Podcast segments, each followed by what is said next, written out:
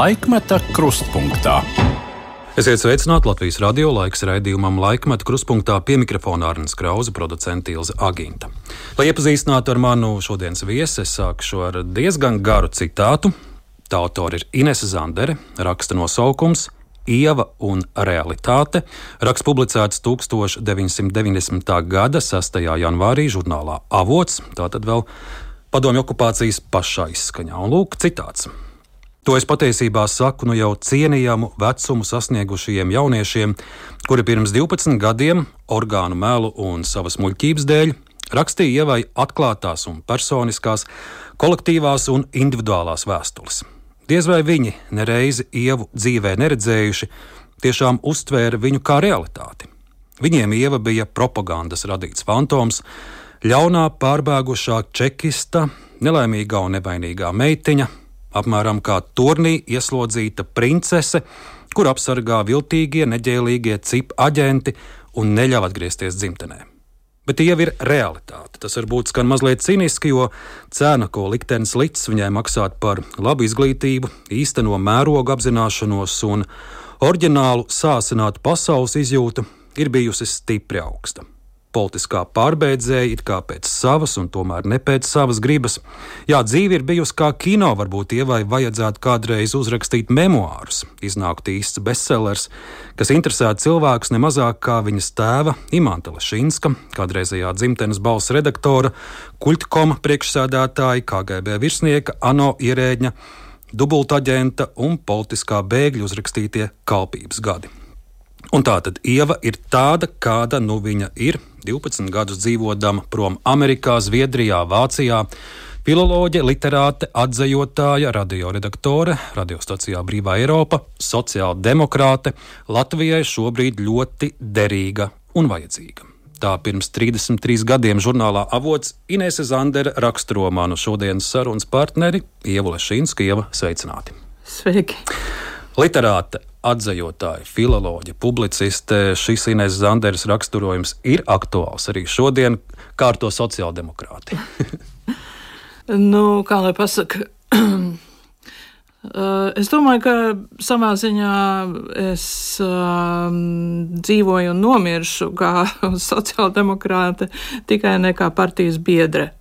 Jo, uh, diemžēl, uh, Sociāldemokrātiskā strādnieku partija, kura tik ilgi bija turējusies uh, trimdā kā vienīgā un ļoti aktīvā partija, kas ļoti aktīvi palīdzēja Latvijai, bija arī pati pirmā, kura tika infiltrēta un, uh, varētu teikt, pilnībā nodeva savus ideālus un uh, un uh, kļuva par uh, diezgan nožēlojamu veidojumu, vismaz manās acīs, un par to ir ļoti žēl, jo tas uh, caurums, kas palika uh, tajā visā politiskajā spektrā, manuprāt, tā arī līdz šai dienai nav aizpildīts. Dzīvojot Zviedrijā, jums bija iespēja arī satikt tos Ulmaņa laika sociāldemokrātu pēctečus.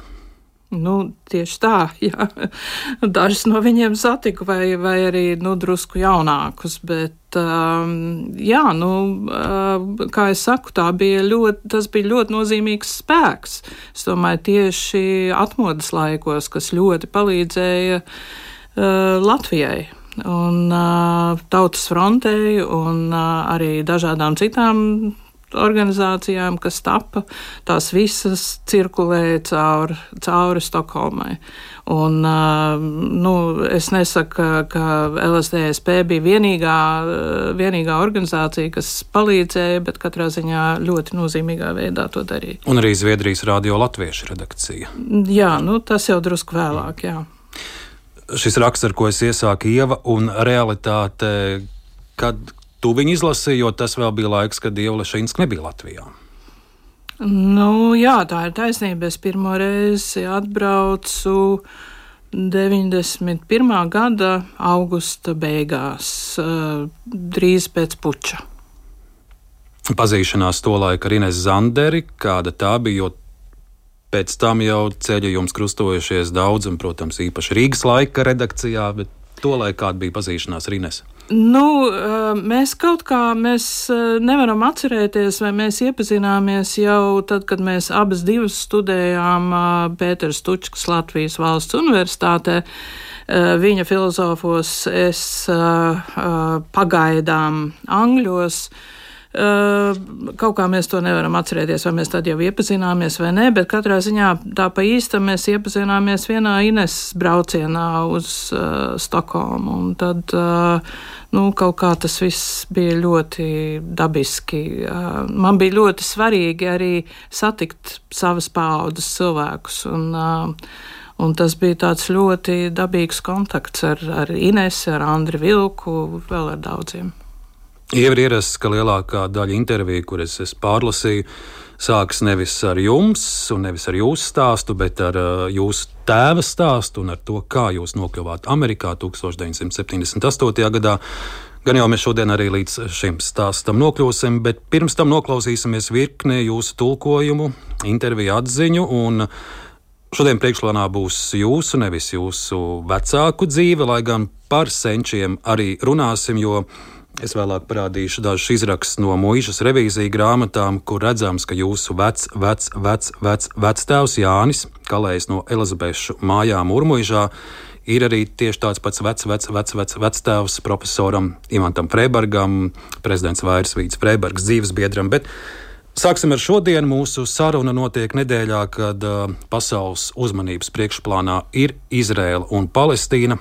Gadsimtu senais konflikta ugunskurs atkal ir uzliesmojis, un šoreiz ar īpaši lielu liesmu vēl nesen vairākos publiskos sarīkojumos jūs ieva lasījāt ebreju izcelsmes amerikāņu dzinieces Cipī Kelleres atzīto dzēju.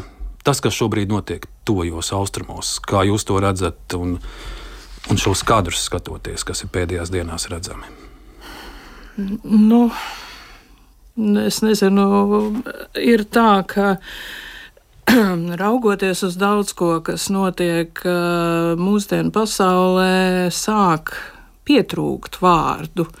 Jo teikt, ka tas ir briesmīgi, ka tas ir baismīgi, ka tas ir šaušalīgi, ka tas ir nepiedodami, neataisnojami un tā tālāk, tas viss jau sāk likties par mazu.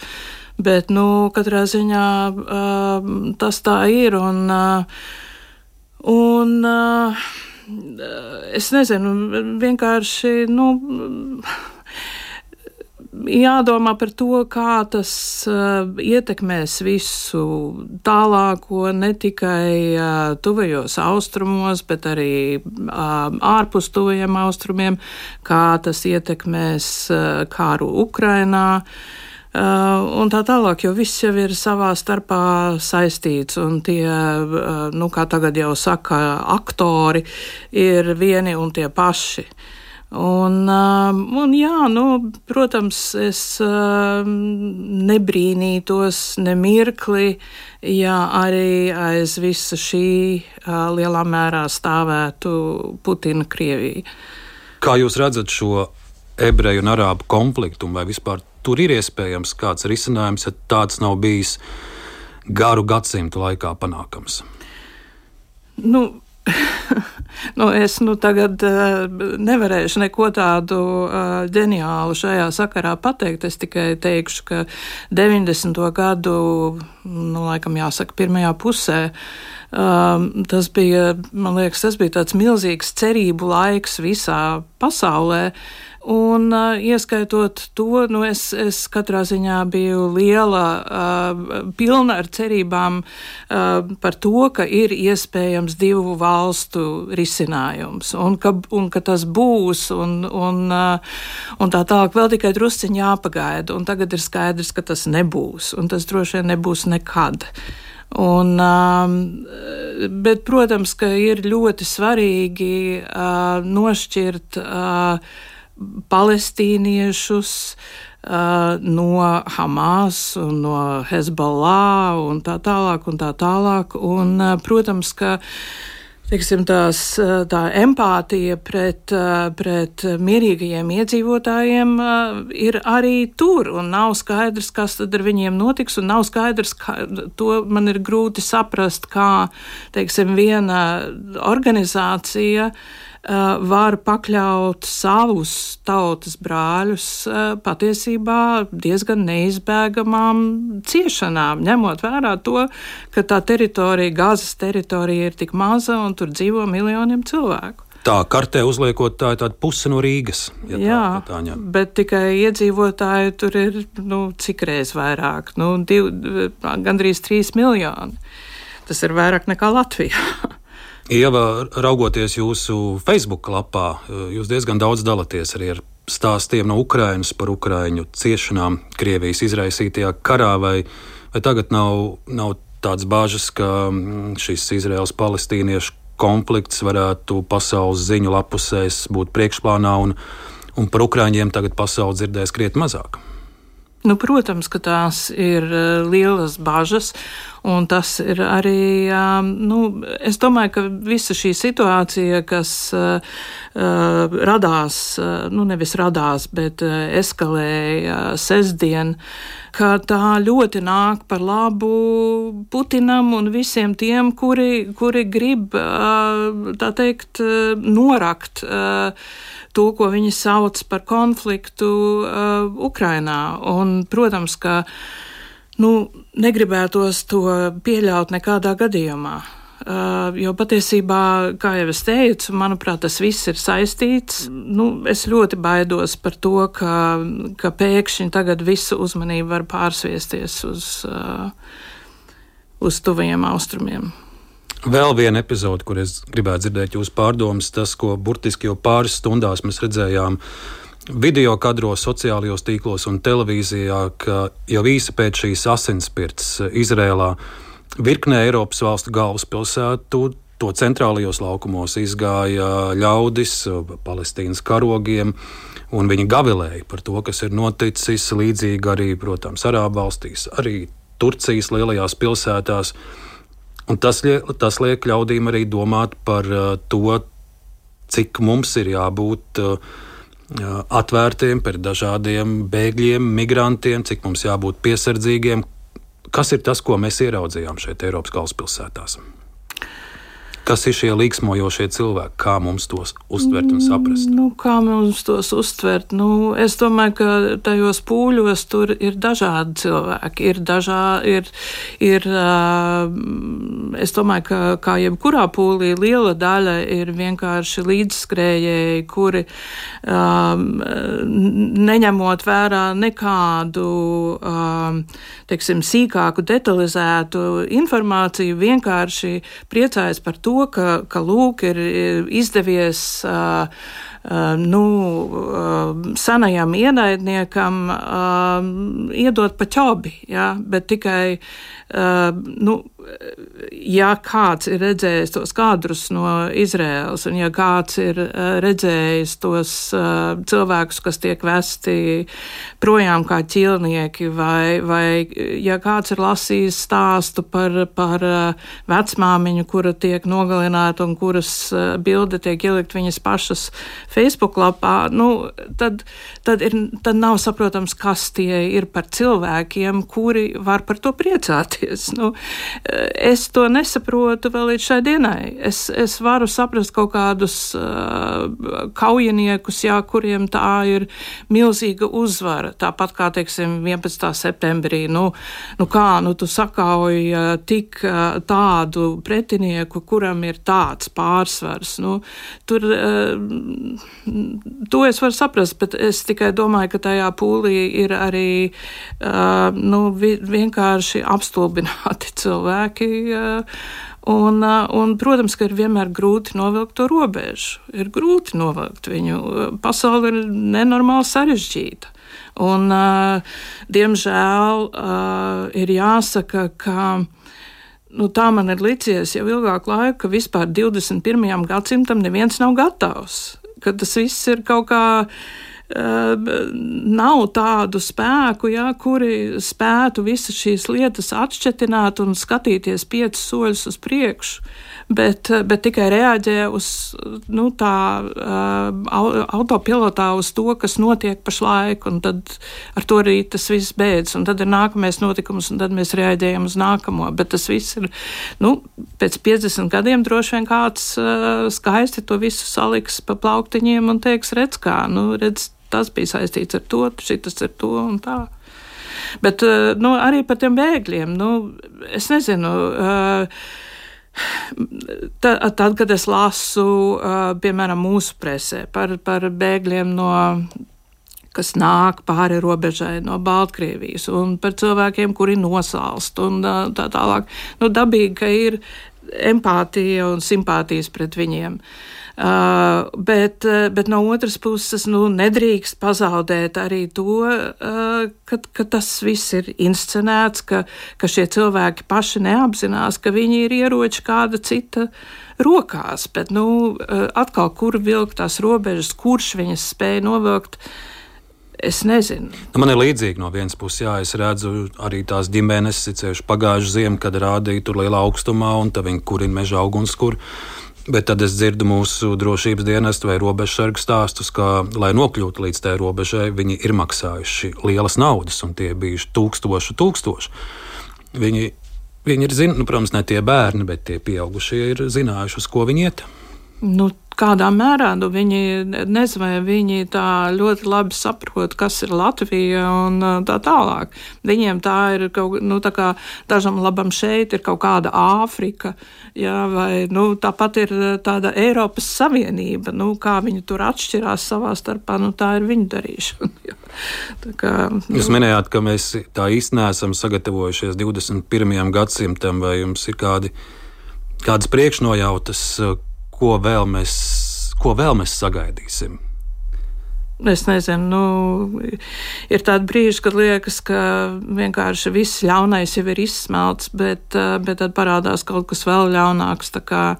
Es nezinu, nu, nav nekādu tādu gaišu prognožu. Vienkārši nav saprotams, kur viņas uh, ņemt šobrīd. Kāda jums tā sajūta? Jūs vairāk esat tajā pusē, kur viss ir slikti, vai ir slikti, bet būs labi, vai nemaz nav tik slikti? Nu, es domāju, ka pie mums nav tik slikti. Nu, ja paskatās apkārt, tad pie mums tiešām nav tik slikti. Un tad, kad te sāk runāt par to, ka te ir viss tik briesmīgi un, un tādās šausmīgās kategorijās, jā, nu, tad, nu, tad gribas kliegt, tāpēc ka citur ir daudz, daudz, daudz sliktāk. Un, uh, un vienkārši uh, nu, var. Faktiski, jā, nu, uh, ir interesanti arī tas, ka līdz pat nu, tagad atkal, protams, cilvēki reaģē uz, uz to, kas notiek Izrēlā un tā tālāk, bet, bet jau bija iestājies tāds, nu, tāds apmieris, varētu teikt, par to, nu, labi, ir, jā, ir Ukraina un tā tālāk, bet es biju šokēta uh, izlasīt, ka, ka kurzemē, kur es uzturos diezgan daudz, uh, bija lielākā daļa cilvēku, acīm redzot, vairs negrib vispār zināt neko par Ukrainu. Tas man ir šoks. Tas ir tā saucamais nogurums no Ukrainas ziņām. Jā, jā nu, bet atvainojiet, kādas jums ir tiesības nogurt no tā, kas vispār jūs skar tikai attālināti, bet kas attiecas pilnā mērā uz jums. Tas ir apmēram tā kā, uh, nu, teiksim, uh, vēl 90. gadā Eh, kad eh, manam Minhenes dzīvoklim cirkulēja cauri dažādi, nu, visdažādākie cilvēki ar visdažādākiem uzskatiem. Un, um, kuri teica, es par politiku neinteresējos. Es vienkārši, man tas nav aptverams. Man nav aptverams, ko nozīmē neinteresēties par politiku, ja tas tevi skar vistiešākajā veidā. Nu, respektīvi, tu atrodies uh, uz uh, klints malas, un vai nu tu varēsi pakāpties soli atpakaļ, vai arī tu kritīsi aizā. Ja? Nu, tad tevi neinteresē, uh, uz kuru pusi to soli spērt. Nesaprotu. Pie šī viss ir slikti stāsta. Mums uh, šeit Latvijas radio darba dienās ir brīvais mikrofons, kur ļaudis var zvanīt un izteikties. Un, jā, ir arī tādas intonācijas, ka varbūt mēs, uh, žurnālisti, pat daudz jau Ukrainu liekam priekšplānā un stāstam, ir arī stāsti par to, cik Latvijā viss ir slikti. Un, un patiesībā tas pat bieži vien dominē. Es esmu dažreiz mudinājis ļaudis un uzrunājis viņu, nu, viņus. Un pastāstiet arī, kas jūs ir šonadēļ iedvesmojis vai kā brīvdienas ir pagājušas. Bet, Bet no desmit zvaniem viens būs tāds ar, ar, ar, pozitīvu noskaņu. Par šo, par šo viss ir slikti ideoloģija. Es nesen jūsu intervijā ar politoloģu Vitu Matīsu arī lasīju, un, un maz citāds no jūsu sarunas, kur jūs jau sakat, ka Vienreiz bija klāt vienās lauku viesībās, kur veči arī sāk runāt par to, kā viss ir slikti, bet tad viens teica, Nu jā, re, kā mēs te sēžam, dzeram konjaku un runājam, ka viss ir slikti, bet vai pirms 30 gadiem mēs to varējām? Nē, tad mums nebija konjaka, tad mums nebija tādu vēderu. Nu, varbūt nav viss tik slikti. nu, jā, nu, tieši tā. Nu, man liekas, ka, ka ir pamats uh, dzīvojot šajā mierīgajā zemē, uh, runāt par to, ka viss ir slikti. Protams, ka uh, atšķiras cilvēku ekonomiskās iespējas, atšķiras viņu sociālās iespējas un tā tālāk un tā joprojām, bet, nu, uh, bet nu, tomēr ir jābūt kaut kādai realitātes izjūtai par viņu par to. Un, un, un tas, ka karš notiek Ukrainā, tas nenozīmē, ka tas nav mūsu karš, tas ir mūsu karš. Par to, kā mūsu sabiedrība vērtē politiķu svaru, pēdējie Eirobarometra dati arī uzrāda, ka nu, ļoti zema ir uzticība gan parlamentam, gan valdībai, gan izpildvarai, kas pēdējā laikā parādās arī medijiem. Uzticība mazinās, turpretī, ja salīdzinu ļaudīm prasa, kam jūs uzticaties Latvijas parlamentam vai, piemēram, ANO. Tad cilvēki, viņi pat nezina, kas ir ANO ģenerālsekretārs noteikti, bet uh, Latvijas ļaudis saka, ka viņi vairāk uzticas ANO nekā, nekā Latvijas parlamentam. Viņi vairāk uzticas Eiropas parlamentam nekā, nekā teiksim, mūsu valdībai. Ko jūs ievarat, jūs to skaidrot, jo arī tajā pašā sarunā ar ar Vitu Matīsu jūs minat, ka varbūt, eh, varbūt tā ir kaut kāda augšu iedomība vai kā savādāk. Kur, kur ir šī, šī komunikācijas saita zudusi? Nu, es nezinu, godīgi sakot, eh, ir tā, ka. Um, nu, viņa, respektīvi, Vita Matīs mūsu sarunā uh, jau arī par to, man liekas, pieminēja, ka, ka šīs te augšas bieži vien uh, tiek uh, izvirzītas nevienam nesaprotamā, necaurredzamā veidā.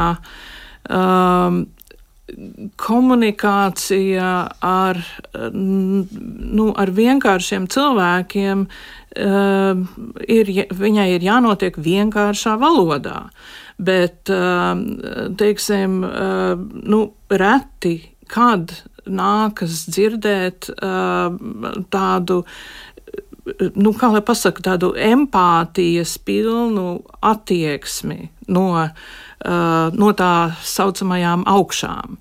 Un, protams, ka nu, nu, tad tur ir rezultāts. Un, un, protams, tad vēl nāk klāt tas, ka, ka aizvien vēl velkas līdzi tas padomju mantojums, ka, ka es jau neko nevaru ietekmēt, es jau neko nevaru izdarīt. Un man liekas, ka, ka jaunajiem cilvēkiem vairs nav tomēr tāda, tādas attieksmes. Nu, uh, Es vismaz tā ceru, ka viņiem nav. Nu, izskatās, ka nav. un paies vēl daži gadi, un varbūt ka, ka tas viss būs drusku savādāk. Bet tajā pašā laikā, nu, kas attiecas uz laukiem, laukos savukārt to jauno cilvēku nav diezko. Jā, uh, tikai nu, tur, kur es dzīvoju, vasarā tur redzi uh, jauniešus. Jā, nu, talsos varbūt vairāk. Bet, bet pašos laukos viņu nav. Un neusticība medijiem, ar ko tas būtu skaidrojams? Nu, tas, man liekas, ir skaidrojams patiešām ar internetu, ar influenceriem, ar to, ka viss ir ar tādu sajūtu, ka viss ir relatīvs, ka, ka viena patiesība, respektīvi tava patiesība ir tāda, bet mana patiesība ir eh, šitāda, un, un nav tādas īstas patiesības. Nu, eh, es nezinu, ko tur teikt. Nu, tagad arī sociālo mediju laikā katrs var uzdoties par žurnālistu. Nu, es esmu runājis ar ļaudīm, kuris, kuri man saka, kāpēc tu radio neziņo to, ka tur patiesībā ir noticis tas un tas. Es saku, bet eh, tā nav patiesība. Nē, tā ir. Es izlasu internetā. Un ir daži daž ļaudis, daļa, varbūt pat liela daļa ļaudis, kuri domā, ja, ja viņi to izlasa internetā, tad, tad tā ir patiesība, tā ir, tā ir īsta žurnālistika. Nu, tad vajag kādam paskaidrot par tiem diviem avotiem, ar kuriem ir teikt, kur, kur šī informācija ir jāpārbauda, un tikai tad tu viņu vari ziņot. Jo citādi tas ir tavs viedoklis. Nu, cilvēki to nesaprot. Nu, līdz ar to viņiem tas ir kaut kā jāstāsta un jāskaidro. Nu, es nezinu, skolā. Uh, Man pat pieredze ir tāda, ka jaunā paudze, kuriem skolā ir mediju pratība, viņi šajās lietās pat ir izglītotāki nekā, nekā dažs labs 40 gadnieks. Man liekas, ar jauniešiem viss būs labi, bet, bet tas fokus ir jāvēlta, jāvēlta vecākiem ļaudīm. Nu, jā. Jau sarunas turpinājumā mēs paklausīsimies vairākus fragmentus gan no Latvijas televīzijas, no panorāmas, no Latvijas radioarkīva virkne jūsu tulkojumu darbu, atzējojumi, dažādas arī pārdomas, bet uh, es izvēlējos sākt nevis ar kādu uh, ierakstītu literāru darbu šeit, radio, bet uh, no arhīviem, lai pirmā skan dziesma. Un tas būs uh, Jākab Jančevs un Knuta Skujnieka darbs Poga, valsts akadēmiskā kora Latvija izpildījumā, diriģents Māris Sirmais, Tulkojuma autora Ievlašīnska. Lai skan poga angļu valodā.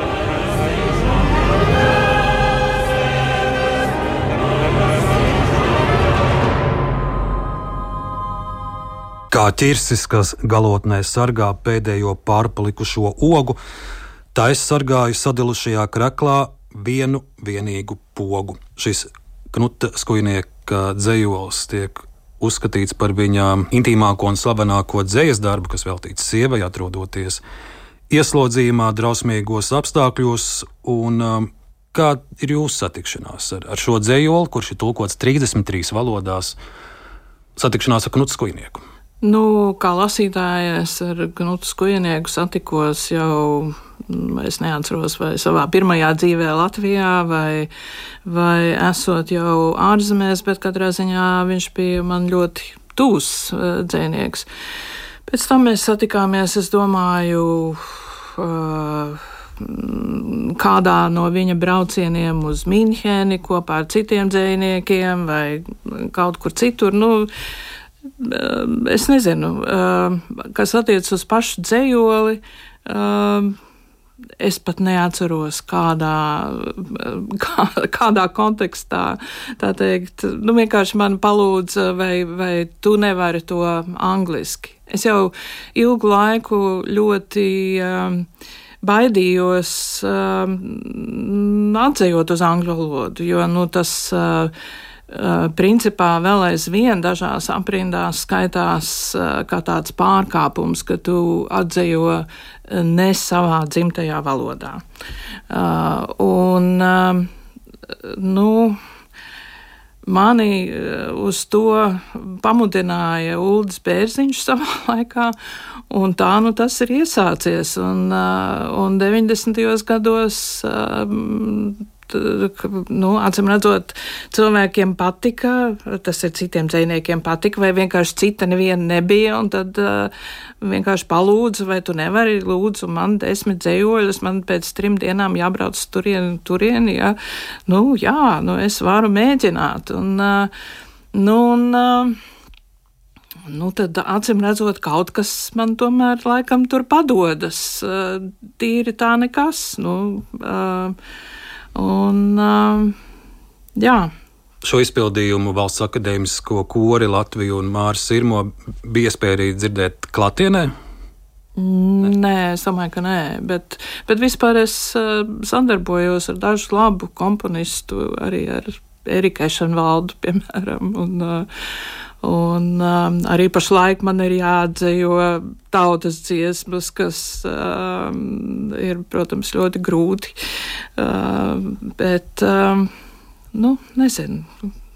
Kaut kā tas ir iesācies, un patiesībā man to patīk arī darīt, un, uh, un redzēt, kas no tā sanāk. Un, un ja es, teiksim, saņemu viena angļu redaktora uh, e-pastu, kur viņš saka, ka bez jebkādiem redakcionāliem labojumiem mēs publicēsim jūsu atzījumu, nu, tad, protams, es jūtos ļoti labi.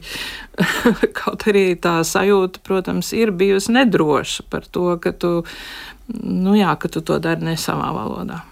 Un, ja mēs pirms brīža runājām par to, viss ir slikti, tad man liekas, ka Knuts Kujnieks ir pierādījums, kuram dzīvē tiešām ir bijuši brīži, kad var teikt, viss ir slikti. Bet uh, tajās reizēs, kad es viņās intervēju un saticis, tas, tas viņu spēks, apņēmība un, un dzīves prieks un smaids vienmēr. Tas parāda, ka, ka tie, kas tagad sūkstās, ka viss ir slikti, viņi nezina, kas īstenībā ir viss ir slikti. Nu, protams, uh, tas jau ir arī saistīts ar to, vai cilvēks ir gatavs uh, visu mūžu sevi uzskatīt par upuri. Uh, vai nē. Un Knuts neapšaubāmi piederēja pie tiem, kurš nekādā gadījumā negribēja būt upuris. Un, tāpēc ir ļoti skumji, um, ka ir tāda, varētu teikt, zināma tendence, nu, ne jau tikai mūsu tautā, bet, bet tieši uz to upura lomu Kaut arī nu, ir daudz pierādījumu, ka arī mēs spējam nebūt upuri. Un arī upurim vienmēr ir, um, ir uh, zināma izvēle, kā būt, kā dzīvot un jā, kā sevi uztvert. Jau nākamais arhīvu fragments tādās eh, pozitīvākās noskaņās. Es palūkojos Latvijas radiofonotēkā. Pirmais darbs, eh, kas šeit radio mājā ir ierakstīts, eh, kur ir jūsu tulkojums, tas ir Deivids Ločs, Mazā pasaule. 2003. gada novembris, režisora Antonija Apele, lasa Vilis Daudziņš. Arī mazu fragment šodien paklausīsimies.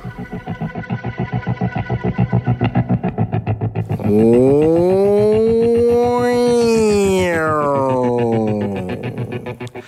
Dažiem ļaudīm šķiet, ka pasaulē nav brīnišķīgāka trokšņa par to, kuru skaļumam aizvien pieaugot, rada trīs vai četru milzīgu reaktīvo dzinēju unisons, kad lidmašīna, kurā viņi sēž, saspringst pret bremzēm, gatavojamās pacelties gaisā. Šā brīža piederīgās briesmas nav nodalāmas no jūsmas, ko tā izraisa. nu tu esi iesprādzēts savā vietā, atpakaļceļa nav, tu esi nodevis sevi mūsdienu tehnoloģijas varā. Nekas cits neatliek, kā nomierināties un to izbaudīt. Un projām mēs esam.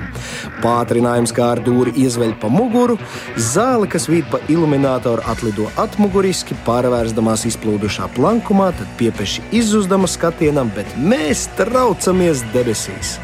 Lidmašīna sasveras, dāvājot mums pēdējo iespēju palūkoties uz dzimteni plakanu un banālu, un tad mēs izlaužamies cauri mākoņu biežņai un nokļūstam saulē. Ar īsu tingšķi nodziest uzraksts nesmēķēt, bet viegla pudeļu šķindoņa no starpējas vēsta, ka tūlīt tiks pasniegti kokteļi. Un esam klāt Eiropā, vai Āzija, vai Amerika, vai vēl kaut kas. Dēvids Ločs, mazā pasaule, lasīja Vīlis Daudziņš, un es lūkoju, jā, tūlīt novembrī būs 20 gadi kopš Latvijas radio šeit. Šis darbs ir ierakstīts, grāmatas neesmu lasījis, bet es noklausījos visu šo radio ierakstu, un, un šis ir stāsts par šo konferenču kultūru, par, par, par akadēmisko vidi, par zinātniekiem, kuri brauc no no vienas konferences uz otru, kur atkal priekšā ir tās, tās pašas sejas, un kur atkal visi vāvuļo par vienu un to pašu. Jums jau pašai ar šādās konferencēs ir nācies būt arī kā, kā dalībniecei, varbūt. Nu, pēdējos gados jau nē.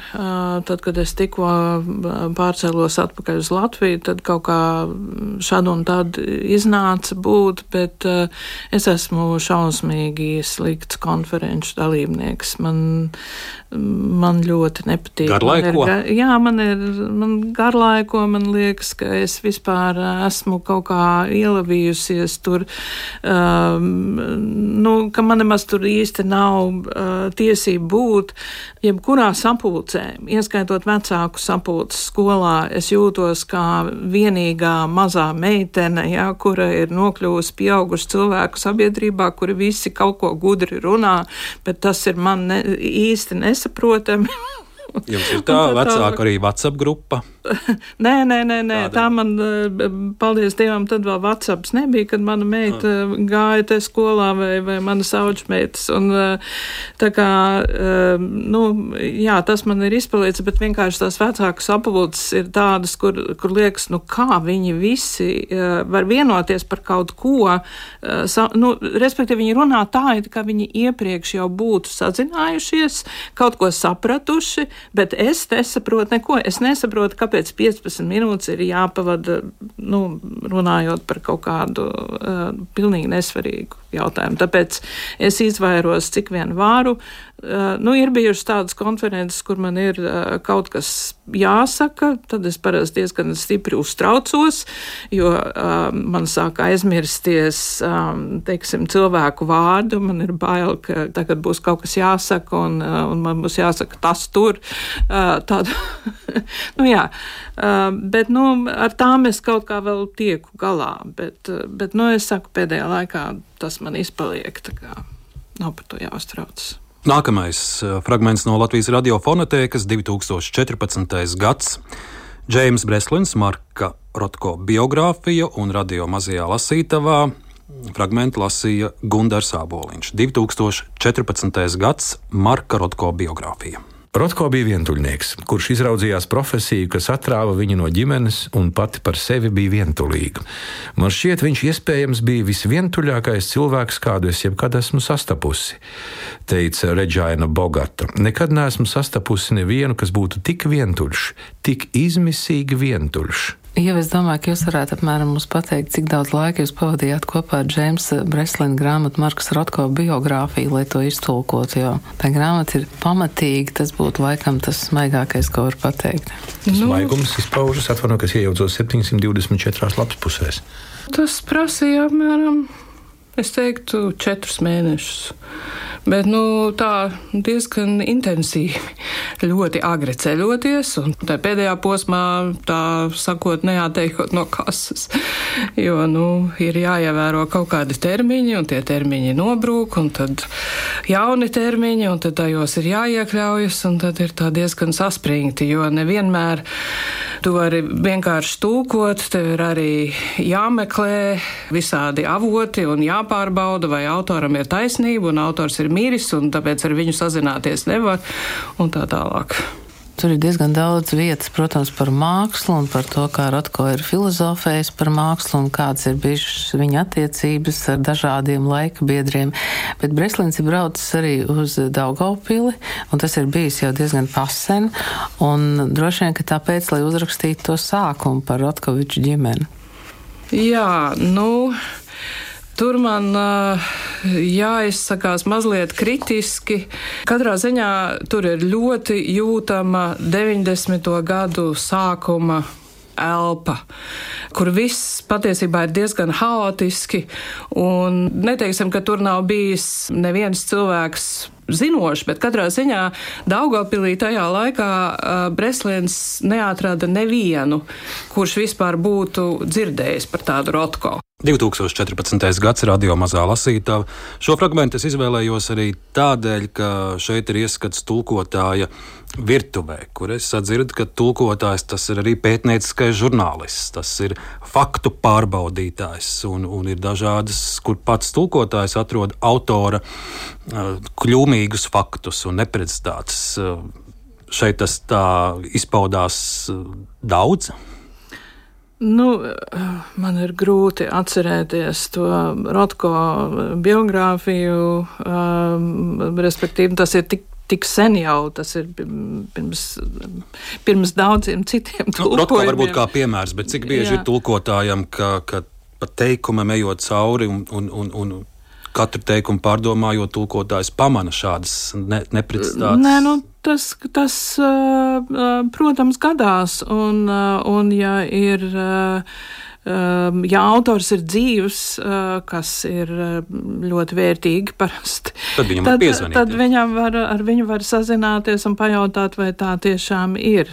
Vienā no Timotīs Snaidera eh, grāmatām bija, es vairs neatceros kādi, bet diezgan aplami fakti par, par, par Latviju. Un es sazinājos ar viņu.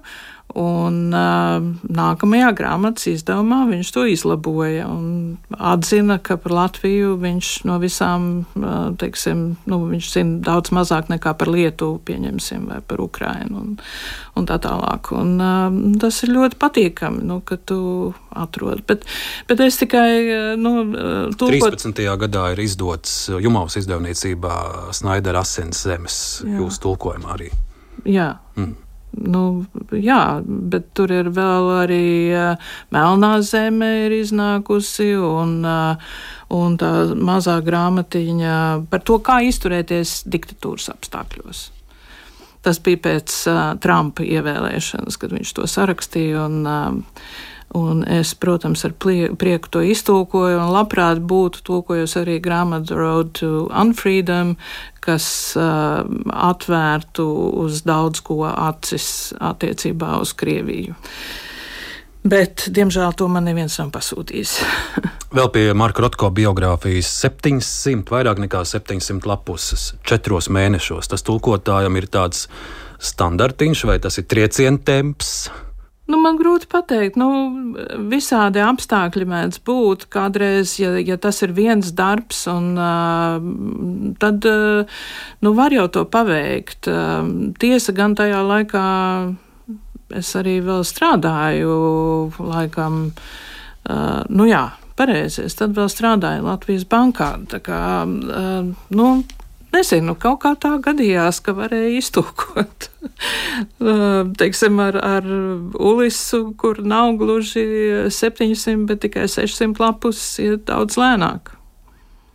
Nākamais fragments, kur izvēlējos, jau būs no jaunākiem laikiem, 2022. gads. Pēc daudz gadu tulkošanas darba klajā nākusi viena no ievērojamākajiem 20. gadsimta dziniekiem, Tomasa Stērnsa Eliota dzējas izlase.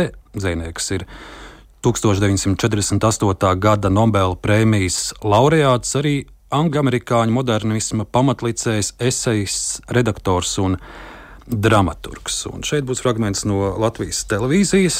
Sižeta autore Ilze Strēnga būs uh, dzējas krājuma atvēršanas svētki. Dzējas izlasi ir tulkojusi Ievla Šinska, Kārlis Vērdiņš, bet ir arī daži dzējoļi Vismas Belševicas atzējojumā. 2022. gads. Izprast viena no ievērojamākā 20. gadsimta modernista Eliota dzēju ir kā iespēja mesties nezināmā pasaulē un sajust vienā dzējolī dažādus valodas slāņus, stilus un laikmetus. Viņa darbi turpina ietekmēt pasaules kultūru. Nobelprēmijas laureāta T.S. Eliota dzēja pie tulkotāja un dzēnieka Kāļa Vērdiņa atnāca pirms 20 gadiem. Savā laikā šī dzēja bija kā tāds ļoti liedzošs novatorisms. Pa šo laiku pasaule ir pievilkusies klāt šai dzējai, un Eliotam ir bijuši neskaitāmi sakotāji un atdarinātāji. Un, un viņš ir ļoti ietekmējis to, kā mēs vispār visā pasaulē šodien lasām un rakstām dzēju. Eliota slavenākais darbs ir 1922. gadā publicētā poēma Nīkā zeme. Tūkotāja Ievla Šinska 30 gadus slīpējas atzējojuma tekstus. Krājumu papildina Ievas Lešinskas ievads Eliots ceļā uz absolūtu. 91.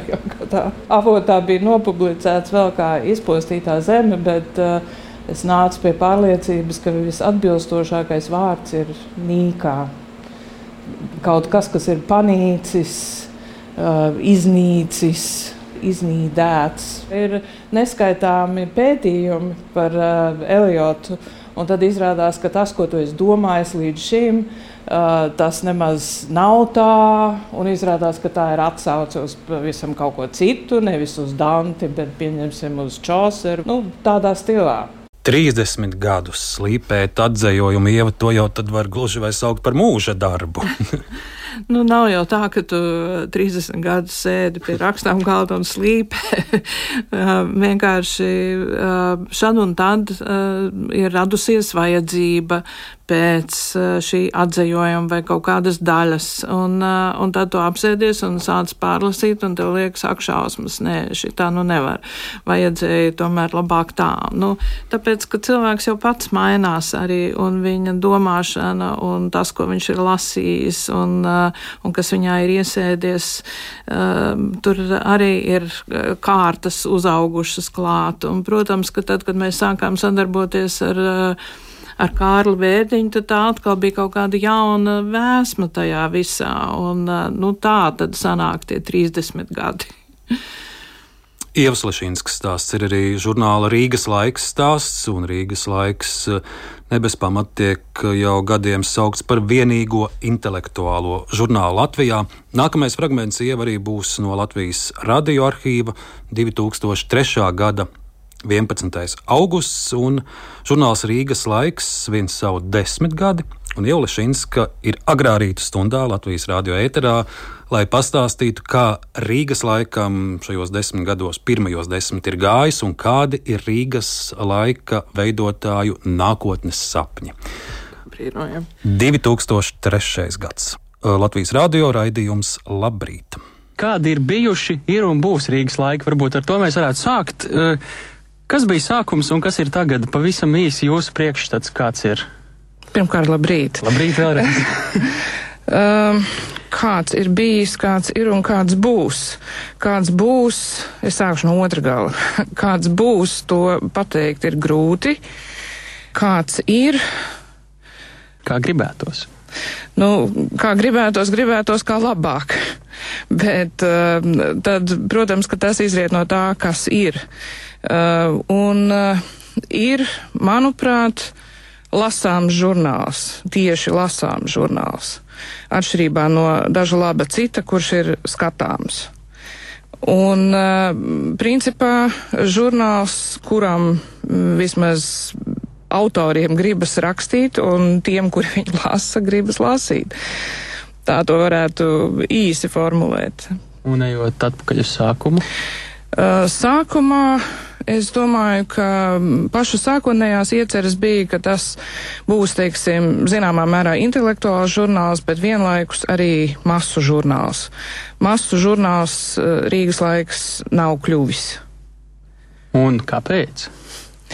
Nu, es nezinu, tas varbūt saistīts ar to tā saucamo intelektuālo, kaut arī man nepatīk šis vārds, un, un es nezinu. Um, acim redzot, uh, nav tik daudz to cilvēku, kuri vēlas patiešām lasīt. Un, ja turpinot, pirms 20 gadiem šajā intervijā jums arī kolēģis Tāls Eipurs vaicāja, kāds jūsu iztēlē ir Rīgas laika lasītājs, un uh, Tolaik jūs teicāt, ka lasītājs ir cilvēks, kurš nav dzīvē gluži nesekmīgs, cilvēks vidējos gados, cilvēks, kuram ir svarīgi domāt. Vai ar vienu tāds ir Rīgas laika lasītājs, vai viņš arī mainījies gadiem ejot? Nu, es domāju, jā, tas joprojām ir cilvēks, kuram ir svarīgi domāt, un uh, cilvēks, uh, kurš uh, nežēlo savu laiku, lai uh, pasēdētu, uh, izlasītu, reizēm nebūtu nevienkāršu tekstu līdz galam un to pārdomātu. Nu, es, protams, vairs nerakstu tik daudz Rīgas laikam, bet bet, man aizvien vēl ir svarīgi um, lasīt Rīgas laiku. Varbūt es vairs nelasu no vāka līdz vākam kā kādreiz, bet um, katrā ziņā lielos rakstus es izlasu aizvien vēl. Vai tas Rīgas laika tā veiksmes formula viena no ir arī tas, ka tie, tas pamats, kas arī no, no paša sākuma bija uh, Ievla Šīnska, Ines Zandere, Uldis Tīrons, Ilmārs Šlāpins, ka patiesībā jūs esat tādi krietni atšķirīgi katrs par sevi cilvēki.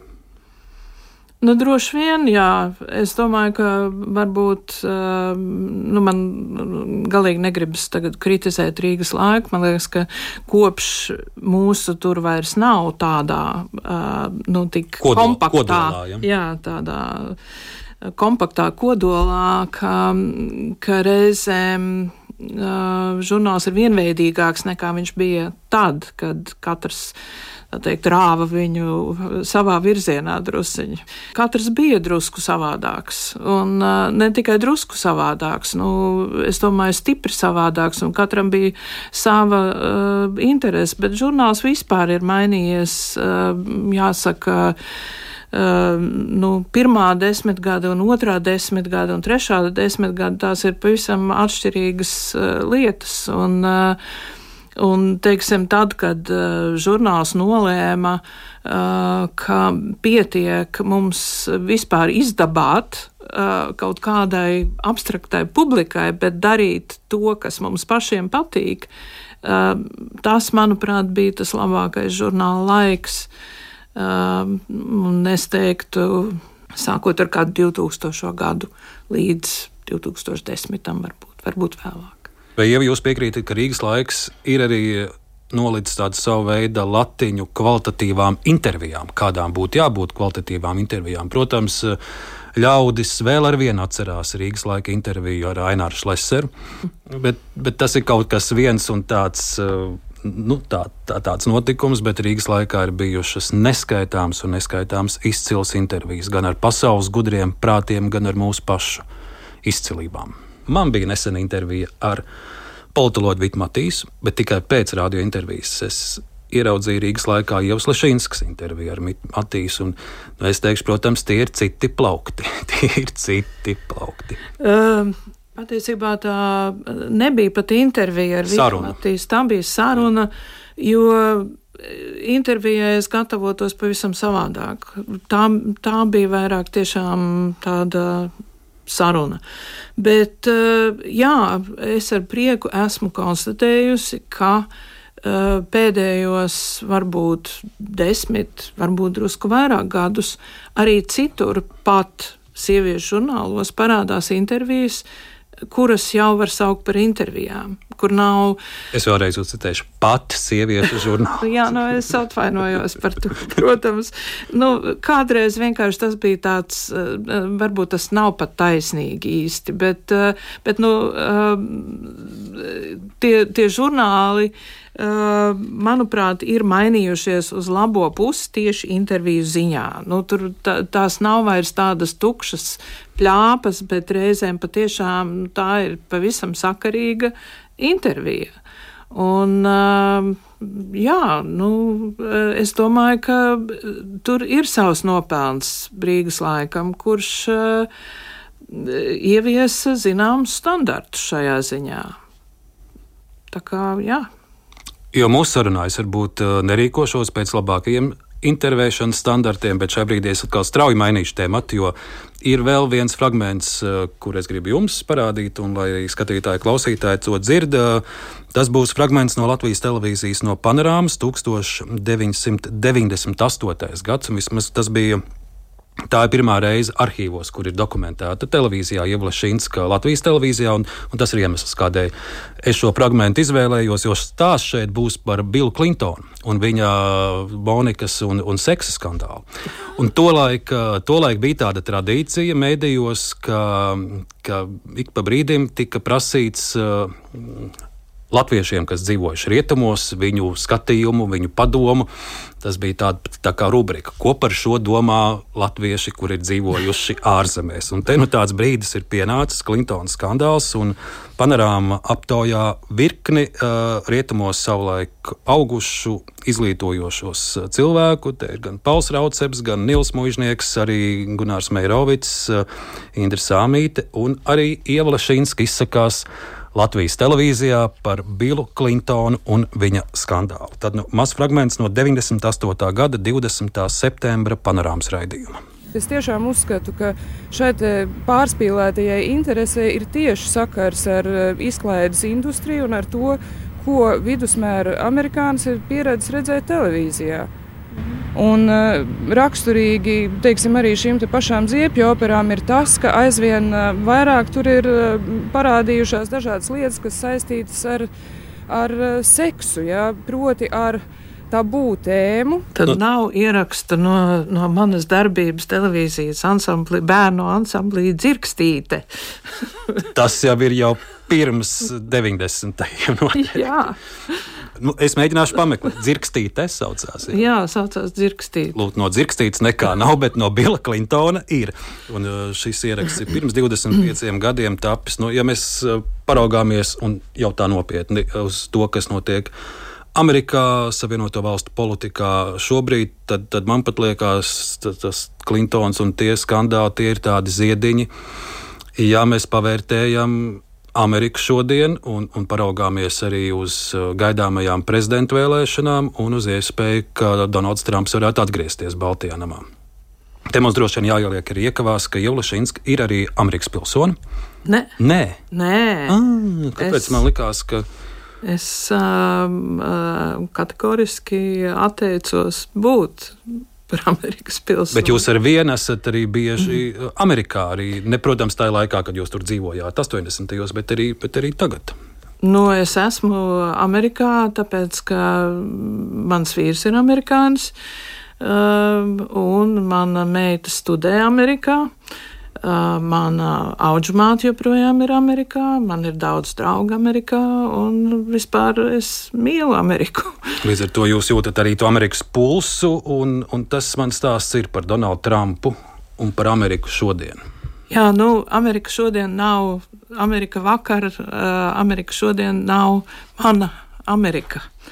Uh, varētu teikt. Uh, man liekas, ka uh, tas, ko es teicu pašā sākumā par to 21. gadsimtu, ir nobrukuši kaut kādi standarti, un lielā mērā par to ir atbildīgs arī Donalds Trumps, jo tāds valsts vīrs, kurš uzvedas pilnīgi pretēji tam, kā pēc iepriekšējiem standartiem, līdz tam pastāvējušiem valsts vīram būtu jāuzvedas, nu, tas ir kaut kas pilnīgi jauns. Bija pilnīgi jauns, nu jau tā uzvedas dažs labs cits. Uh, Un, un tā tālāk. Nu, tas, kas notiek Amerikā, ir šausminoši. Republikāņu partija ir kaut kas šausminošs. Teiksim, cilvēki, kuri sevi sauc par konservatīviem, bet tajā pašā laikā um, nu, tiešām uzvedas kā sliktas multfilmas vai, vai sliktas ziepju operas varoņi, nu, tas ir kaut kas prātam neaptverams joprojām. Un, um, nu, man jāsaka, es to dzirdu ne tikai tas, ka es pati par to lasu, es, man vēl jāklausās mana vīra nepārtrauktā burkšķēšanā par republikāņu partiju un, uh, un kā viss ir sagājuši sviestā. Nu, tur ne, savādāk jau to arī nevar nosaukt. Jā. Un pie tam tādi jēdzieni kā sirdsapziņa, kā kaut kādi morāles standarti. Tas viss, par ko it kā šī republikāņu partija ir, ir uh, iestājusies, nu, tas viss ir uh, izlido ārā pa logu tikai tāpēc, ka vajag būt pie varas, tāpēc, ka vajag turēties pie varas. Un, uh, un nav svarīgi, uh, atkal nav svarīgi, kas ir patiesība.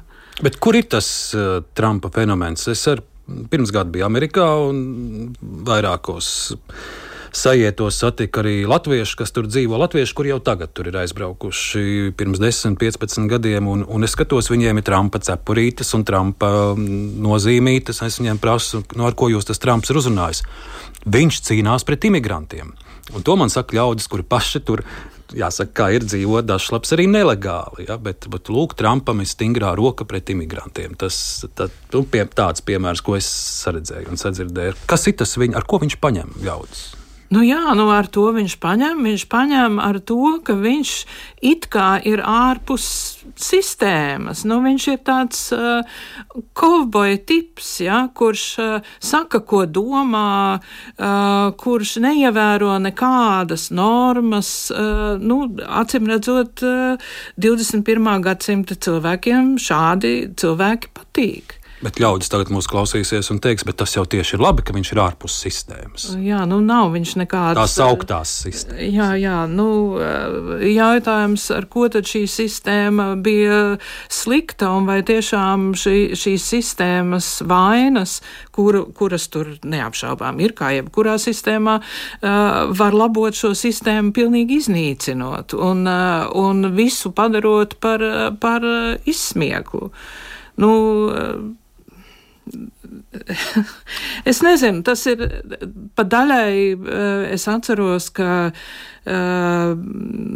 nu, vēl tad, kad uh, Trumps vēl nebija ievēlēts, bet viņš jau tā teikt figurēja kā sliktas gaumes paraugs, tad bija man saruna ar, ar dažu labu amerikāņu, ko es cienu. Un, Un viņi teica, nu, tāds, tādi kā Trumps vienkārši. Nu, viņi, viņi atbilst tam zemākajam kopīgajam uh, koeficientam. Ja? Nu, tas, kas, tas, kas uh, uh, šķiet. Uh, patīk viss, uh, nu, visneizglītotākajam, viss. Uh, nu, kādam cilvēkam, kurš, jā, nu, kurš jūtas pilnīgi ārpus visa, kurš nav izglītots un tā tālāk. Bet nu, tagad tas jau ir mainījies. Tagad jau Trumps ir vienkārši daļa no, no visa stāsta. Nu, Es nezinu, tagad, tagad tā ir inerce. Tagad, tagad tā ir tiešām turēšanās pie varas, nu, kas attiecas uz republikāņiem. Bet tas, ka, ka, ka teiksim, ir, biju, ir tāda tendence arī bijusi, ka, ka ar tādu parastu, neizglītotu cilvēku nevajag sarunāties un nevajag uzklausīt to, kas viņam sāp. Ja? Nu, tas, tas atkal ir akmens citā lauciņā, tai intelektuāļu un to uh, izglītoto un, uh, nu, jā, to sistēmas cilvēku lauciņā. Tas, ko man dažkārt ļaudis ir arī ārpus Rīgas vaicājuši par, par Amerikas politiku, kur paši nu, tik cik no ziņām redz to, kas tur notiek. Man ir vaicāts, bet Amerika izglītot cilvēku, tik daudz intelektuāļu, tik daudz uh, universitātes un, un kas tik vēl ne. Un kā tas nākas, kad uz prezidenta vēlēšanām ir, ir kandidāti, kuri ir vīri jau ar ļoti, ļoti sirmām galvām un, un krietni gados, un nevienmēr tas solis arī ir raids. Nu, kā tas, vai tiešām Amerikā nav cilvēku, no kā izvēlēties? Uh, valsts vadītāju, ka, ka valsts vadītāji tādi, kuri jau tur varbūt dažbrīd ar, ar vienu roku ir jāpietur. Jā, nu uz to es īsti nevarēšu atbildēt. Tur ir jāiedziļinās visā tajā sarežģītajā vēlēšanu mašinērijā un tā tālāk, un tas, tas ir man par sarežģītu.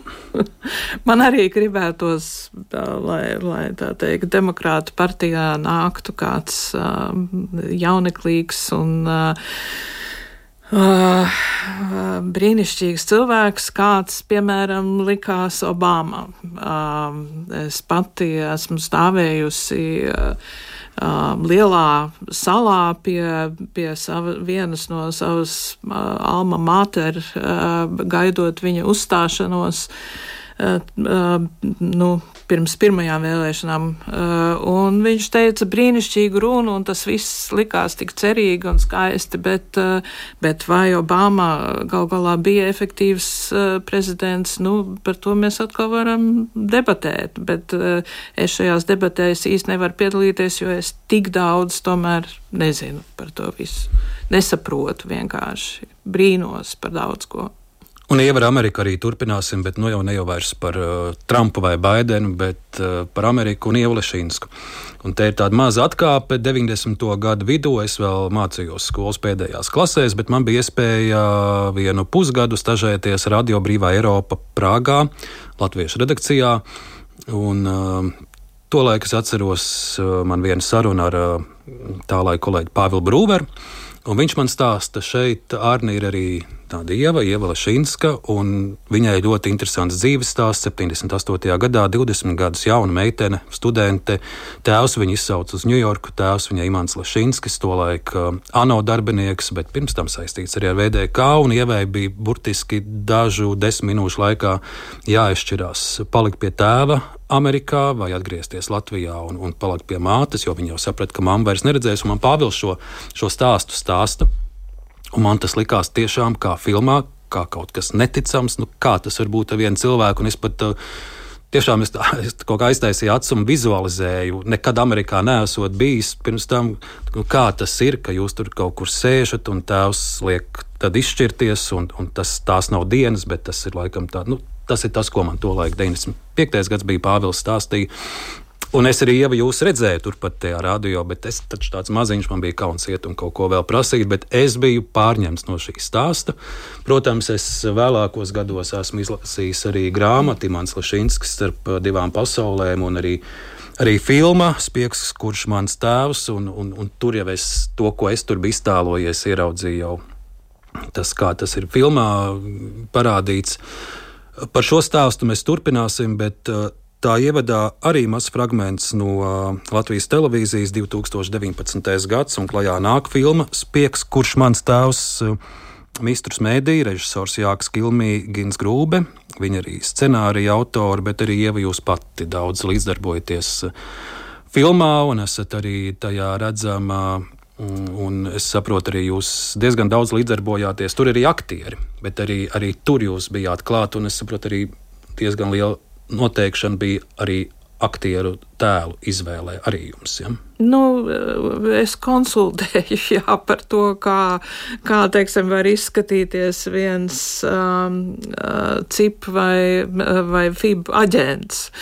Un, uh, jā, un arī sevi es palīdzēju atlasīt. Man ir viena acu sevi. priekšā, kā, kā jūs esat arī epizodē, kur, kur tiek filmēts jūsu tēvs, nu, piemēram, Zārkā arī, arī, arī tāda epizode. Bet Pirms šīs sarunas, lai ir ievads no 2019. gada Latvijas televīzijas eh, panorāmas Filma Spiegs, kurš mans tēvs. Režisora Ginta Grūbas un Jāka Kilmija filmu atklāja šobrīd zināmas tulkotājs Ievas Lešīnskas Geibers pagātnes izjūtu paleti. Viņas tēvs, padomju diplomāts Imants Lešīnskis, augstāk ar gados pārbēga uz rietumiem, līdz ar to izmainot arī savas meitas dzīvi un pasaules uztveri.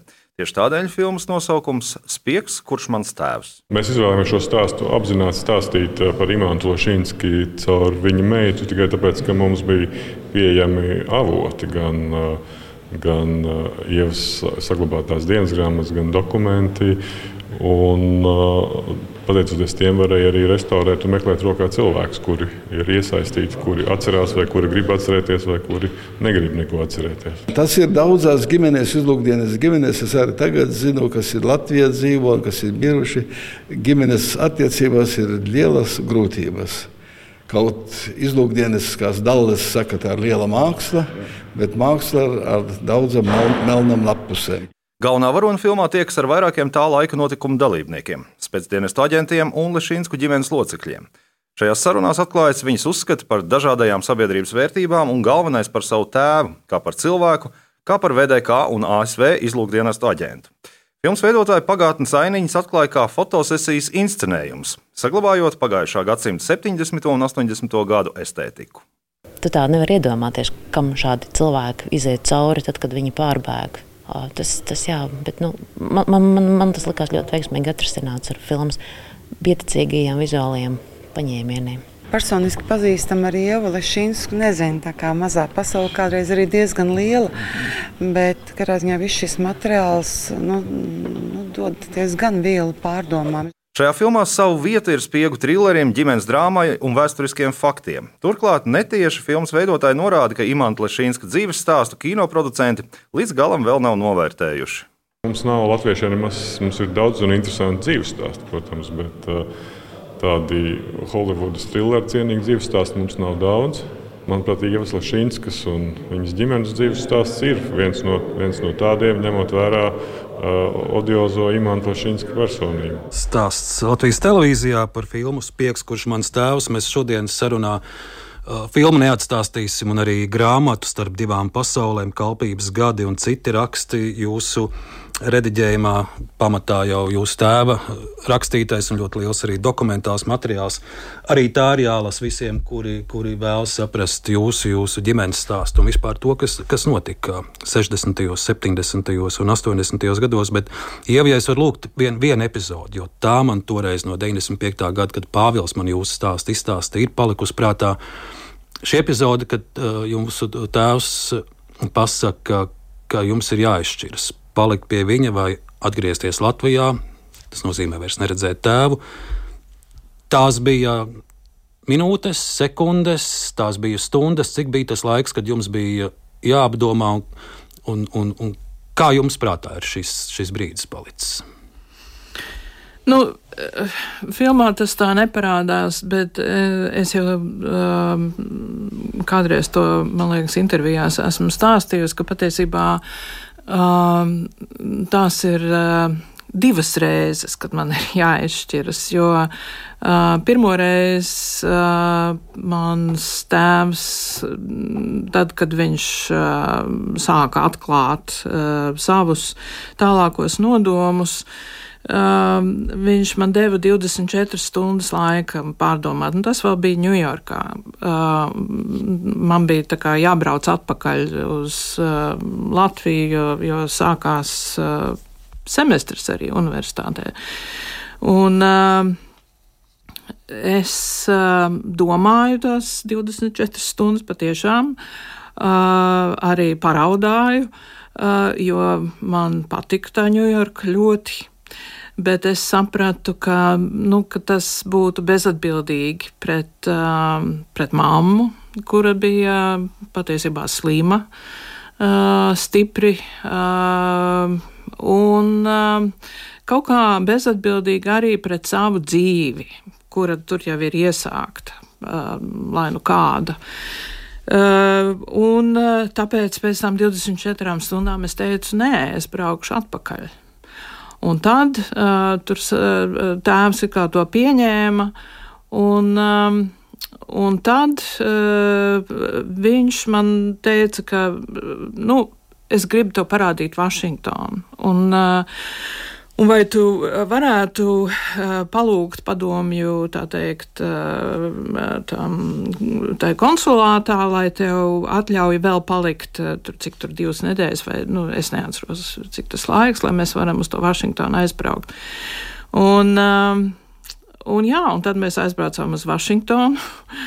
Un, Un tad viņš paziņoja, ka vairs viņi ar sievu nebrauc atpakaļ uz Ņujorku un nebrauc, nu, ar vārdu sakot, tagad viņi pārbēg. Nevis pēc kaut kāda laika tas notiks un tā tālāk. Un tad, ar vārdu sakot, nu, tad tās ir minūtes, kurās, eh, nu, tad, eh, vai, ja tu gribi palikt pie tā sava lēmuma, ka tu brauksi atpakaļ, nu, tad, tad tagad sauc taksi, brauc uz vēstniecību, saki, ka tu atsakies no savu tēvu un tā tālāk, un tad tev varbūt būs kaut cik normāla dzīve, vai arī tu paliec ar, ar mums. Un tas bija tā kā, nu, nu, tas jau bija vairs nekāds nelēmums. Jā, nu, jo, Respektīvi, nu, nu kā, nu, nu, nu neiešu es saukt nekādu taksi, nebraukšu ne, ne uz kādu vēstniecību neatteikšos no tēva. Nu, protams, ka tagad es palieku ar tevi. Bet, bet tas bija tāds, nu jau vairs ne, ne tas nopietnais lēmums, ko es biju pieņēmusi iepriekš. Un, un tā ir, nu jā, nu, tās ir divas dažādas lietas. Jā, un, un faktiski tas, kā tas notika tajā otrajā reizē, tas ļoti ietekmēja manas attiecības ar tēvu, jo faktiski viņš nerēķinājās ar to, ko es jau biju izdomājis. No otras puses, nu, tagad no, no daudzu gadu attāluma, protams, ka es viņam to piedodu. Es saprotu, ka, ja patiešām es būtu izdarījusi tādas muļķības, kā, kā braukusi tajā brīdī atpakaļ, nu, tad skaidrs, ka es būtu, man būtu jāuzstājas eh, ne tikai panorāmās, bet eh, vēl nezinu kur un, un, eh, un nepārtraukti, tā teikt, jānoniecina mans tēvs un, un Amerika un vēl nezinu kas. Nu, Dievs vien zina, kā tas viss būtu veidojies. Nu, diezgan slikti, es domāju, visiem. No šīs filmas ieva es izvēlējos vienu fragment. Man tas bija, skatoties filmu, viens no emocionālākajiem, kur uh, runā jūsu mamma. Un tas arī ir stāsts par to periodu, kā es uh, atradu arī laikrakstā dzimtenes balss uh, jūsu mammas rakstīt vēstuli jums. Un tas, protams, ir tāds kā izmiksīgs aicinājums atgriezties Latvijā. Un, uh, un, un tur ir stāsts par to, ka jums tur ir varbūt aptumšots prāts un, un, un, un sliktu cilvēku ietekmē esat nokļuvusi. Bet uh, filmā ir dokumentēta jūsu mamma, šodien raidījumā arī mazs fragments no filmas Spiegs, kurš mans tēvs. Meitiņa mīļo, nevajadzēs tikties ar mūsu pārstāvjiem, jo neviens tev negrib nodarīt nekādu pārestību. Man taču čekata brauca. Nē, nu kā, jā, ka it kā, nu tad man to vēstuli lika uzrakstīt. To dos Krievu vēstniecībā robežsargiem un satiksies ar amerikāņu robežsargu un nodos to vēstuli. Un es naivi noticēju un ieraugu dzimtenes balsī. Piekrītu vēstules daļai publikācijai laikrakstā dzimtenes balss, cerot, ka tu pie tās tiksi.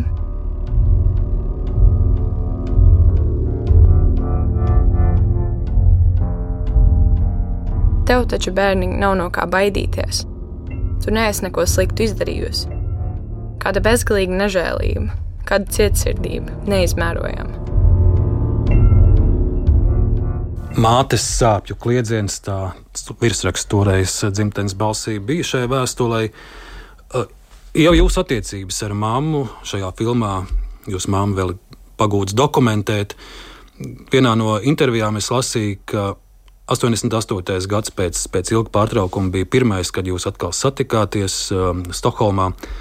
Un ka jūs pēc desmit gadiem pat tīri, tīri fiziski māmu ieraudzījāt savādāk, jums viņa likusies tāda maziņāka. Kā, kā, kā jūs, kāds bija tas ceļš uz attiecību atjaunošanu ar māmu? Nu, smags uh, ceļš, varētu teikt. Jo uh, nu, tā vēstule eh, dzimtenes balsī, eh, tas bija mm, briesmīgi. Eh, un, bet tas nebija tas briesmīgākais, jo, jo briesmīgāk bija tas, ka mm, tās vēstules turpinājās nepubliskā veidā, bet bet personīgas vēstules, kurās tiek. Nu, kurās mamma aicina mani atgriezties. Un es nu, no vienas puses varu teikt, pieņemt to, ka uh, Jā, nu viņa zina, ka, ka lasīs uh, uh, citi, uh, respektīvi čeka, lasīs šīs vēstules, un, uh, un tāpēc viņa tā raksta, bet, bet, tur, bet tomēr tur ir tik daudz emociju iekšā, ka, ka nu, nu, ja, tu, ja tu vienkārši raksti to vēl arī svešām acīm, tad, tad neraksti to tik ļoti uh, emocionāli. Nu, to bija ļoti grūti sagramot, jo tāpat jau nav nekāds pikniks, tā teikt, tev tā dzīve. Uh, tev viņa ir kaut kādā veidā jāveido. Un, uh, un tad tās vēstules uh, vienkārši tevi padara, nu, tu jūties uh, ļoti draņķīgi pats par sevi. Um, un tā jau tu nejūties labi. Ja? Nu, un, um, um, es, esmu, es gribēju ar mammu to visu izrunāt, bet mamma kaut kā bija ļoti. Nu, viņai kaut kā bija ļoti uh, grūti jebkad uz sevi paskatīties no malas un kaut kā pieņemt uh, citu uh, kaut kādu rakursu. Uh, Un uh, mamma vienkārši bija ļoti iebiedēts cilvēks, un, uh, diemžēl, pie tā lielā mērā ir vainīgs arī mans tēvs, jo viņš bija tas, kurš uh, viņu no, uh, kā lai pasaka, Uh, labi audzinātas, uh, dievticīgas un uh, kārtīgas latviešu meitenes padarīja par savu līdzzinātāju viņa nu, čekas gaitās, respektīvi viņa piedalījās uh, visā tajā epopējā, uh, kad man bija pusgads, un, un viņa aizbrauca uz, uz Maskavu,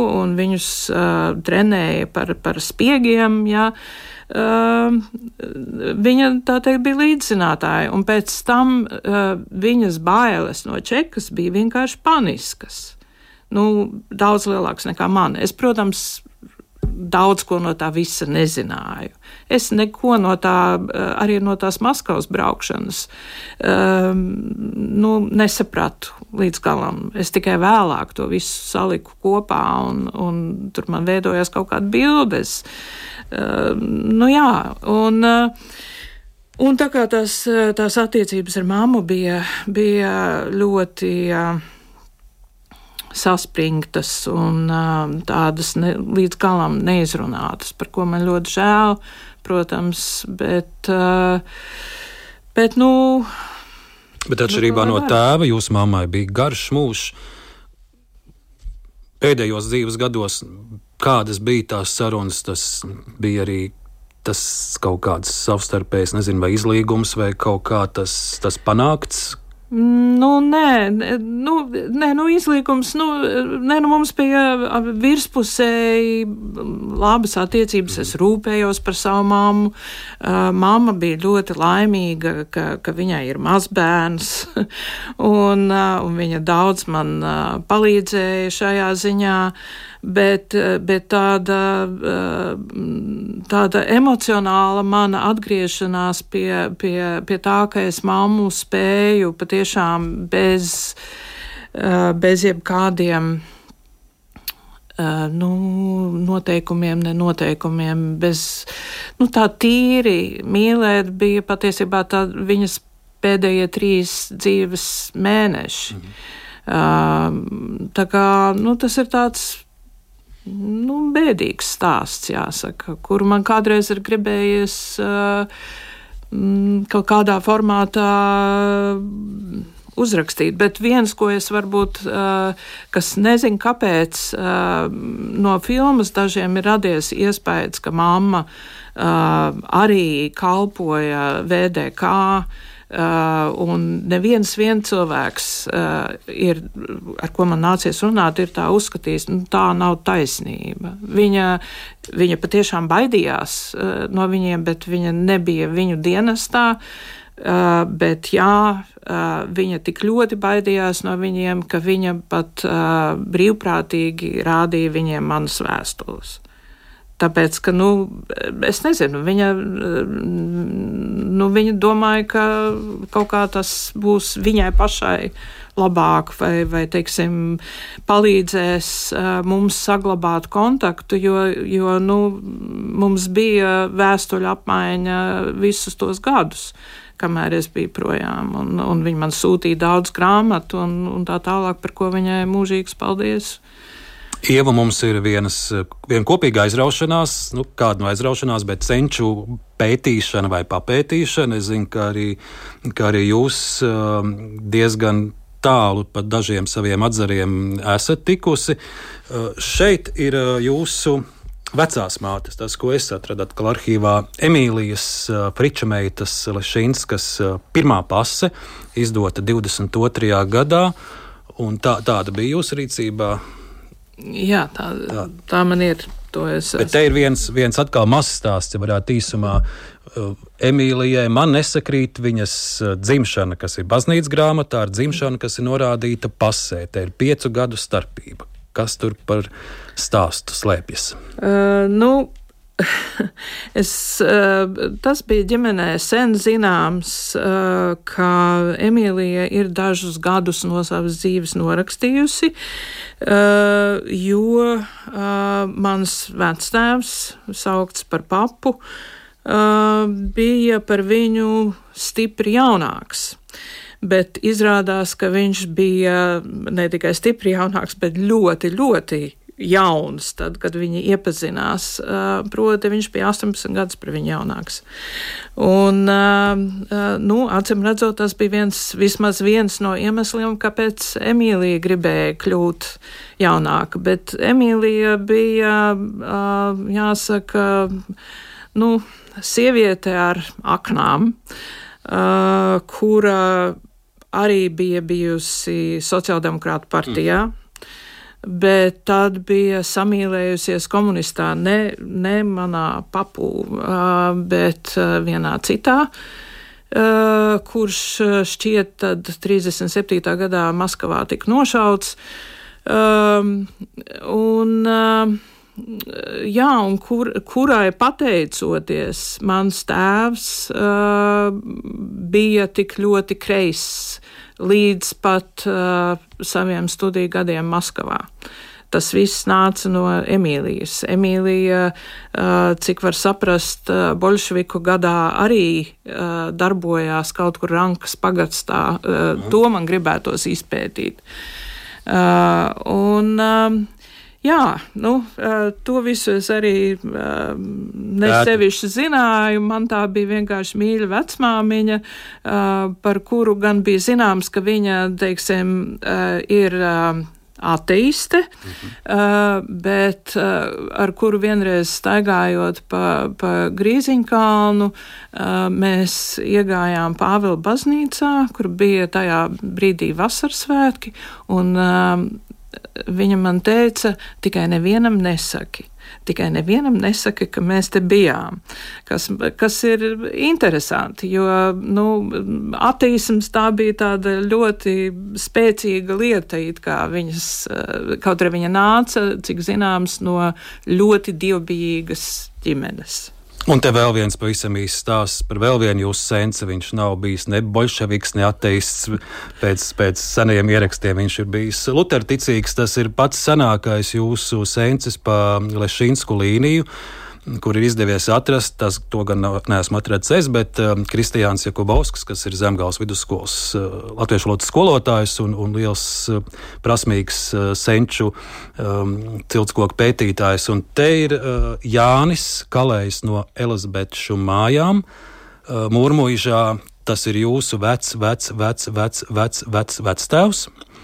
Un viņš ir arī tieši tāds pats vecs, vecs, vecs, vecs, vecs, vecs tēvs profesoram Imantam Freibergam. Uh, prezidentas Freibergas uh, dzīves biedram. Tā kā tas, lai jums paliek jau piemiņa, tas ir senākais sēns. Viņš ir dzimis ap 1750. gadu. Nu, pirms tam jau latviešiem vēl uzvārdi nav doti, bet tā ir, tā ir mūrmuīža. Un tas ir senākais, ko par, par Lešinsku galu ir izdevies atrast.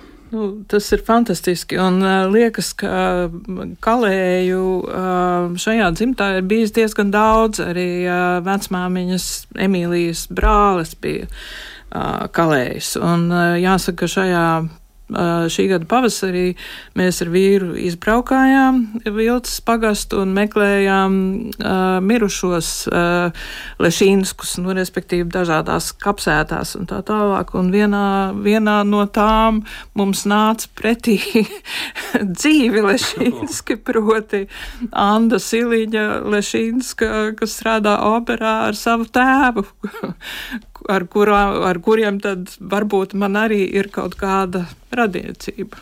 Lūk, tur jums tas koks ir dišs un plašs, un tur tik ir jāpēta. Tagad Jā. internets to visu lieliski, lieliski šādi iespēju dot. Es ieteikšu lielu jums paldies par sarunu. Ieva Lešinska Geibere, tulkotāja, atzījotāja, arī savulaik uh, Radio Brīvā Eiropa.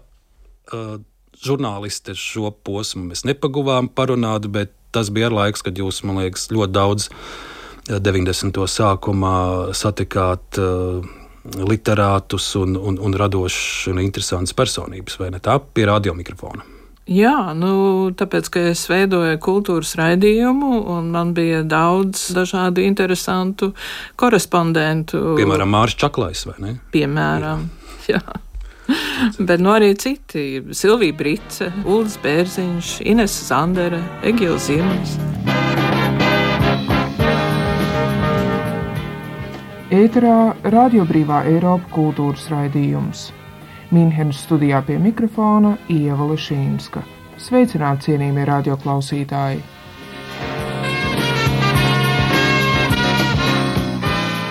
Ja jūs pieminat Ulu Bērziņu, es lūkšu vēl vienu mazu fragment, bet uh, jums pašai nolasīt no periodikas, to es atradu literatūrā un mākslā 1989. gada 9. septembra izdevumā Uldis Bērziņš ievai Lešinskai.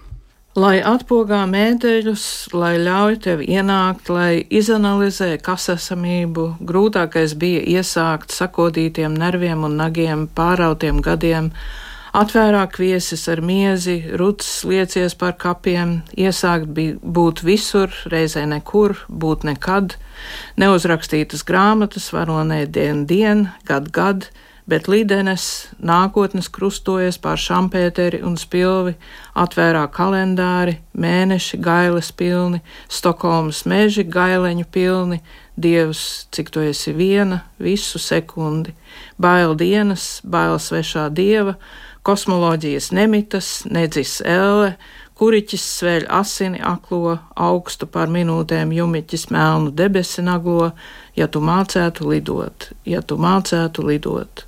Tumsa, tukums, tumsa, tad pati Rīga deg vidū, aug augusts, melndzelteņu uguņu strīpa, tu kurla Stokholmas ielās, kluss, tā tak nav tava rība. Uldis Bērziņš ievēlē Šinskai īstāsts par, par šo Uldu vēstījumu. Nu, stāsts tur nav tik īss, bet uh, jā, nu, mēs satikāmies šķiet 89. gadā tieši Stokholmā, uh, kad uh, bija tāds. Uh, dzinieku desants, varētu teikt. Un, uh, un pēc tam bijām tuvi draugi vairākus gadus. Un, uh, šis dzējolis tad arī ir viens no tiem, kas ir tapis. Uh, tā teikt, laikam par godu mūsu draudzībai, bet, eh, bet viņš bija tieši tas cilvēks, eh, kura dzējoļus es pirmos, pirmos eh, sāku atzējot angliski, jo vajadzēja. Un viņam bija um, apbrīnojama spēja, par ko, protams, daudz cilvēku var liecināt, pārliecināt, ka tu patiešām to vari un tu esi īstais, kuram tas ir jādara. Un, uh, līdz ar to. Šis arī... bija viens no tiem atspērienu punktiem. nē, nu ne jau tas dzējos, nē, nē, bet, bet uh, Uldis. Bet Uldis jā. bija, protams, viens no atspērienu punktiem uh, sākt atzējot angliski. Jā. Un tas atspēriens rezultējies tajā lidojumā, kurš ar vienu turpinās, kas ir, kas ir jaunākais darbs, pie kura Ieva Lešīnska šobrīd strādā. À, nu, pašlaik, pie kā es strādāju, tas gan ir otrādi no angļu uz latviešu. Es tulkoju Ulisu. Un uh, no latviešu uz angļu man pašlaik ir jātulko atkal uh, daži Kārļa Vērdiņa dzējoļi, jātulko dažas uh, dainas, kas ir vajadzīgas Ērikam Ešenvaldam. Um, un, tā, un vēl ir dažādas ieceres, bet, nu, Ulis, protams, ir pats galvenais, pie kā es strādāju šobrīd tulkotāja publiciste Ieva Lešīnska Geibera un, kā mēs redzījumā noskaidrojām, tādos pavisam jaunības gados arī kolektīva, kā viņu sauca? Dzirkstīte. Dzirkstīte dalībniece, dzirkstīte dziedāja vai dejoja? Nē, dzirkstīte nodarbojās ar uh, teātri. Aha. Jā. Arī tāda epizode. Dievu liels paldies par sarunu! Pie Latvijas radio mikrofona bija Arnēs Krause, producente Ilza Aginta par skaņu gādāja Nora Mitspapa. Turpiniet klausīties Latvijas radio!